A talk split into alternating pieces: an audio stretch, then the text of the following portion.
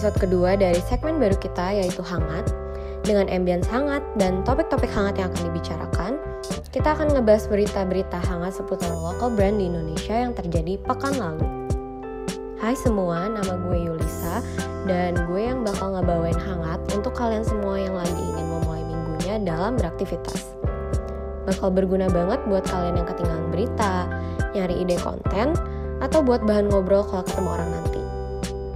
Dengerin aja berita hangat dari teman startup untuk bisa up to date dengan berita kekinian yang ada. Red light, green light. Siapa di antara founders yang belum tahu atau belum nonton salah satu serial drama Korea yang lagi ngehits banget di dua minggu ini? Yes, it's Squid Game. Serial ini gak hanya menjadi salah satu drama terpopuler di dunia, tapi banyak banget lokal brands maupun tren di Twitter, Instagram, dan seluruh sosial media yang menggunakan Squid Game sebagai referensi untuk campaign mereka maupun sebagai konten.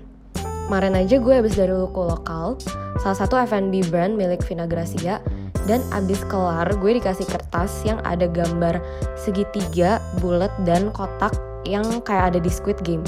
Dan katanya bisa menang giveaway. Wah, Kira-kira sebesar di serial nggak ya giveaway-nya? Berita kedua yaitu video campaign McD yang dirilis lewat akun Instagram at McDonald's ID berjudul hashtag beda roda satu jalan. Video campaign ini memberi impression yang berbeda karena video ini full animation nih founders. Pesan yang ingin disampaikan juga terjelaskan dengan baik.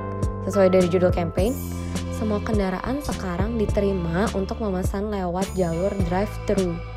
Nggak cuma mobil aja, sekarang semuanya bisa, mulai dari motor, bajai, dan sepeda.